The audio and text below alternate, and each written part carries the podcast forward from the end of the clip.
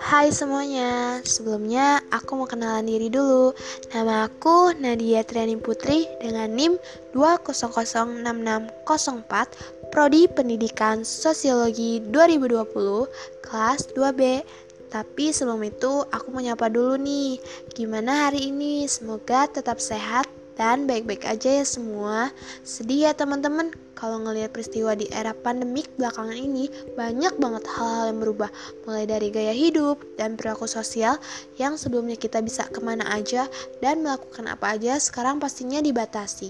Contohnya nih, kita mau nongkrong-nongkrong dan hangout sama teman-teman atau yang punya pasangan nih malam mingguan bareng dengan doi pastinya sangat dibatasi.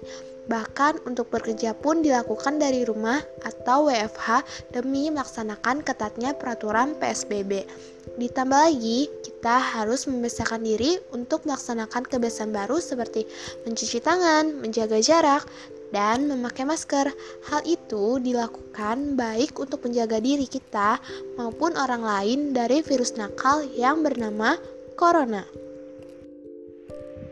Pemerintah sendiri telah mengimbau kepada masyarakat untuk melakukan protokol 3M guna mencegah penularan virus corona yang semakin meluas. 3M terdiri dari mencuci tangan, memakai masker, dan menjaga jarak.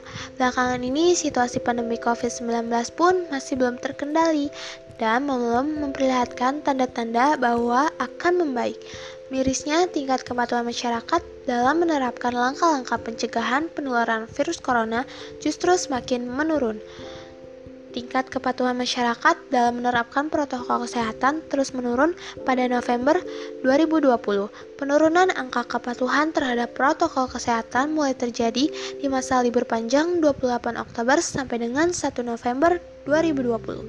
Tren tersebut terus berlanjut hingga data 27 November menunjukkan bahwa persentase kepatuhan masyarakat dalam memakai masker hanya 59,32 persen.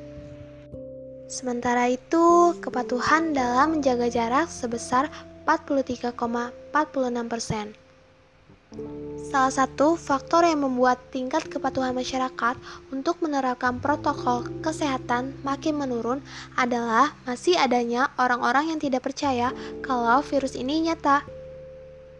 Sebagian masyarakat justru lebih khawatir dengan hal-hal lain seperti kehilangan pekerjaan atau tidak bisa makan dibandingkan takut dengan COVID-19. Bila dianalogikan, mungkin saja bisa disamakan dengan warga yang menggantungkan hidupnya di bantaran sungai yang sangat berisiko terkena banjir. Mereka yang tinggal di bantaran sungai tidak mau direlokasi dan dipindahkan, karena menurut mereka banjir lebih mudah untuk diatasi dan diantisipasi daripada harus pindah dan mencari kehidupan baru yang mana pastinya akan lebih sulit seperti harus mencari pekerjaan baru akibat dari relokasi tersebut.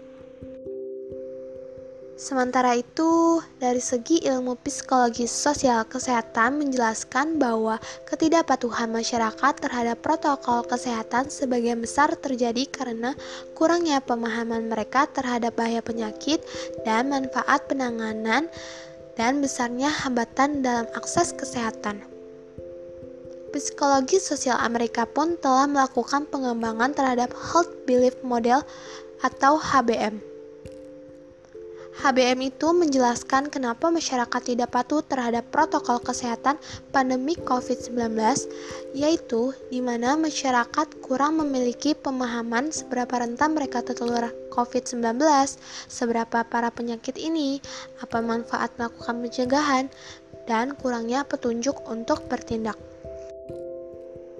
Keyakinan akan kemampuan dan kesanggupan seseorang untuk dapat menjalankan protokol kesehatan dapat ditumbuhkan dengan cara melihat pencapaian kesehatan yang ia lakukan pada masa lalu, melihat keberhasilan orang lain. Jika orang lain bisa, maka saya pun bisa. Bersikap tegas dengan diri sendiri dan menghilangkan sikap emosional juga menetapkan tujuan.